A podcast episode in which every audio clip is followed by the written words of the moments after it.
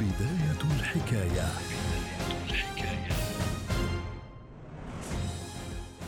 يناير 2020 تحتفل موسوعة ويكيبيديا بمرور 19 عاما على انطلاقها. تجاوز عدد اللغات التي تحرر بها ويكيبيديا 285 لغة تضم أكثر من 40 مليون مقالة. لكن هذه ليست بداية الحكاية. في أكتوبر من عام 1999 يفكر رجل الأعمال الأمريكي جيمي ويلز في مشروع. هو عبارة عن موسوعة على الويب. تبنى من خلال المتطوعين وتسهم في نشر المحتوى المعرفي الإنساني.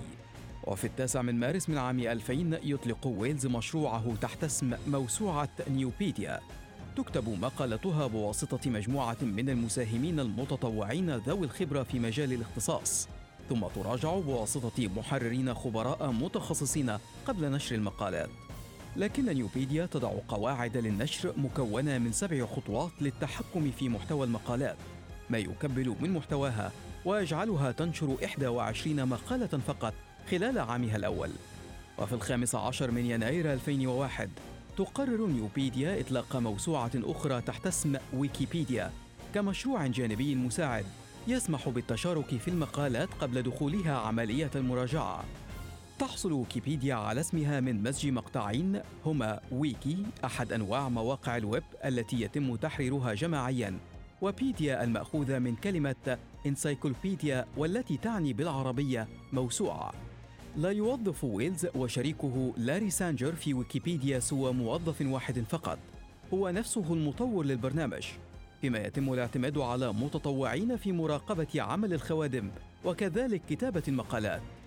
كان ظهور ويكيبيديا ونجاحها سريعا ومذهلا فمقارنة بمواقع أقدم وتوظف العشرات وأحيانا المئات من الموظفين.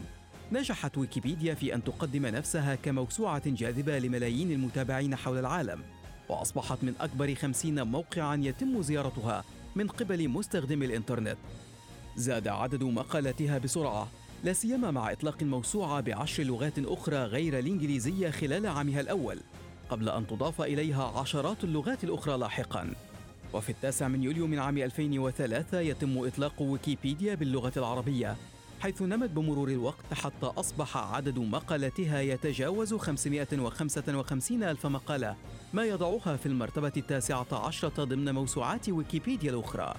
تضع ويكيبيديا التي تتبع مؤسسة أكبر هي مؤسسة ويكيميديا الأمريكية خمسة مبادئ أساسية في عملها وهي أنها موسوعة مدعومة المصادر التحريرية وتعتمد وجهة نظر محايدة.